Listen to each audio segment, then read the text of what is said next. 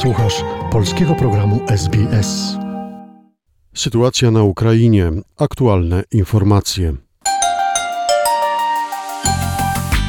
Co najmniej 10 osób zginęło w wyniku rosyjskiego ataku rakietowego na budynki cywilne w Odessie. Poinformował na kanale w komunikatorze Telegram rzecznik odeskiej administracji regionalnej Serhiej Bratczuk.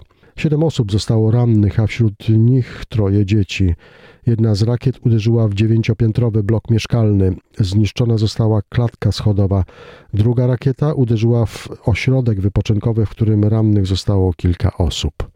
Prezydent Ukrainy w najnowszym wystąpieniu podziękował siłom zbrojnym swojego kraju, że doprowadziły do opuszczenia wyspy Węży przez Rosjan.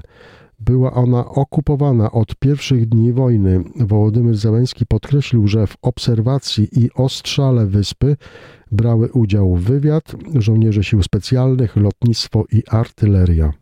Острів Зміїний це стратегічний пункт, і це значно змінює sytuację. Wyspa Węży jest miejscem strategicznym, dlatego doszło do zmiany sytuacji na Morzu Czarnym. To nie gwarantuje jeszcze bezpieczeństwa ani tego, że wróg nie powróci, ale ogranicza jego możliwości działania.